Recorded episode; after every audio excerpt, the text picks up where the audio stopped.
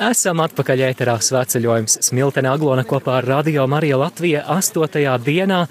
Šodiena ceļa posms 18 km garumā no Netrienas līdz Atašienei, un Māris Veliks šeit ar mikrofonu ceļā kopā ar tevi un turpinām iepazīt mūsu grupas dalībniekus.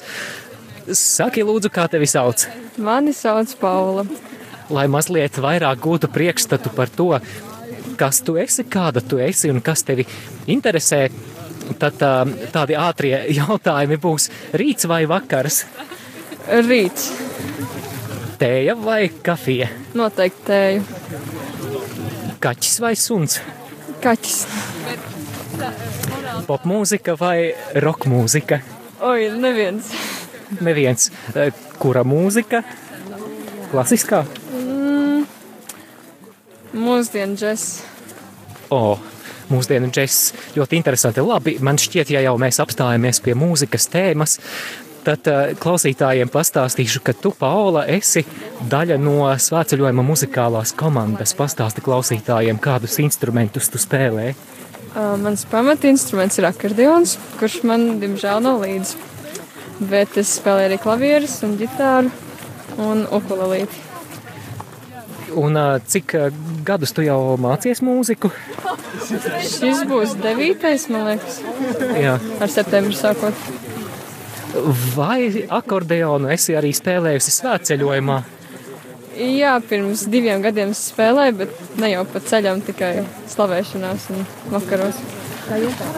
Diezgan neparasts instruments slavēšanas kontekstā. Kā tev šķiet? Nu, tev, tev jau akordeons ir ikdiena, protams, ka citādākas sajūtas. Nu jā, tas nav tāds ierastākais instruments, bet man liekas, viņš labi iedarās.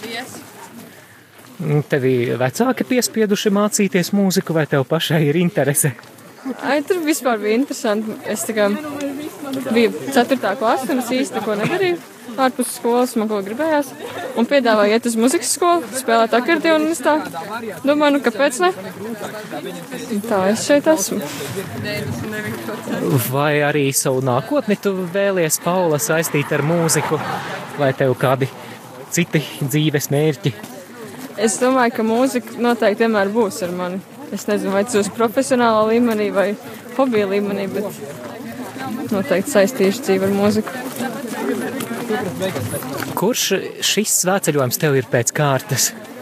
Uh, trešais. Trešais, aha, labi. Un iepriekšējos gados ar kurām svētceļnieku grupām tu gāji uz Aglonu? Um, es gāju arī lūgas grupu.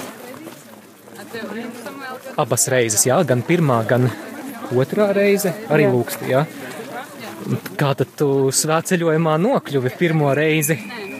Bija tā, ka mums piedāvāja spēlēt aglonā slavēšanā. Un tad mēs domājam, nu, ja jau jāspēlē, tad arī jāiet svētceļojumā. Tā mēs nonācām ilūkstē.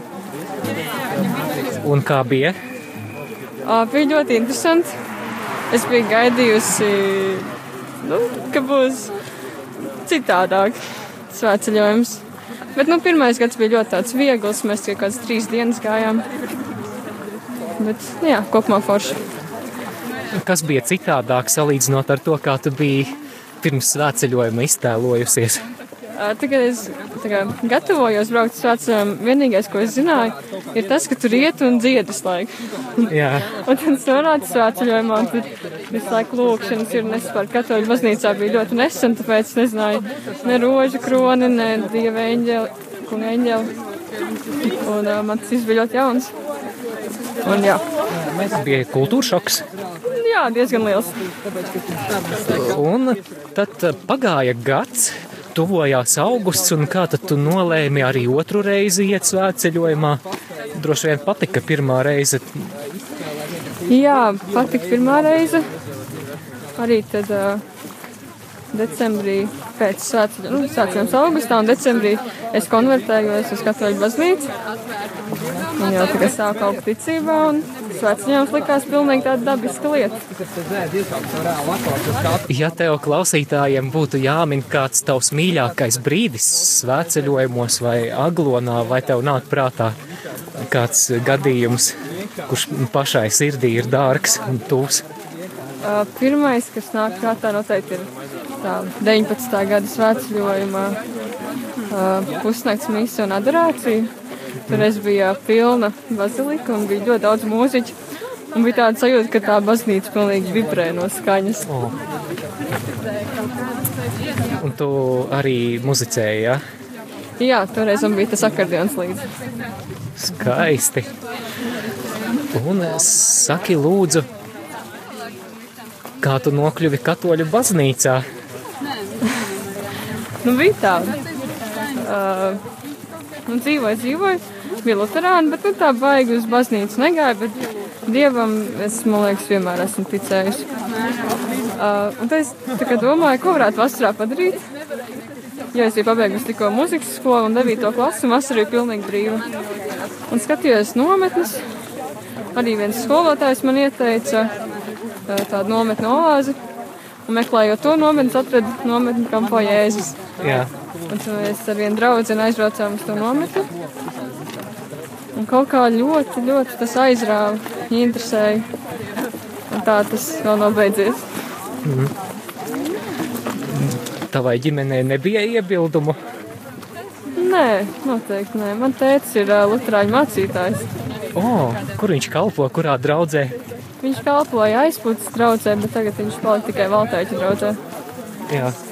Un, nu jā, viņi, nu labi, nu tētim bija tur varbūt tur mazliet tā dīvaini, ka es tur gribu uz katoļu nometni braukt, bet kopumā jau viņš atbalstīja. Un šogad jau 2021. gads tu ej kopā ar Radio Mariju šajā sveceļojumā no Smiltenes. Jau septiņas dienas ir aizvadītas, šī ir astotā diena ceļā. Un, ja tieši par šo svētceļojumu runājam, tad eh, kas tev līdz šim visvairāk ir paticis? Man ļoti uzrunā šogad komanda, grupa. Visi ir tiešām tādi saliedēti. Gan mazās grupiņas, gan grupa kā kopumā ir pilnīgi citādāk nekā bija arī lūksi.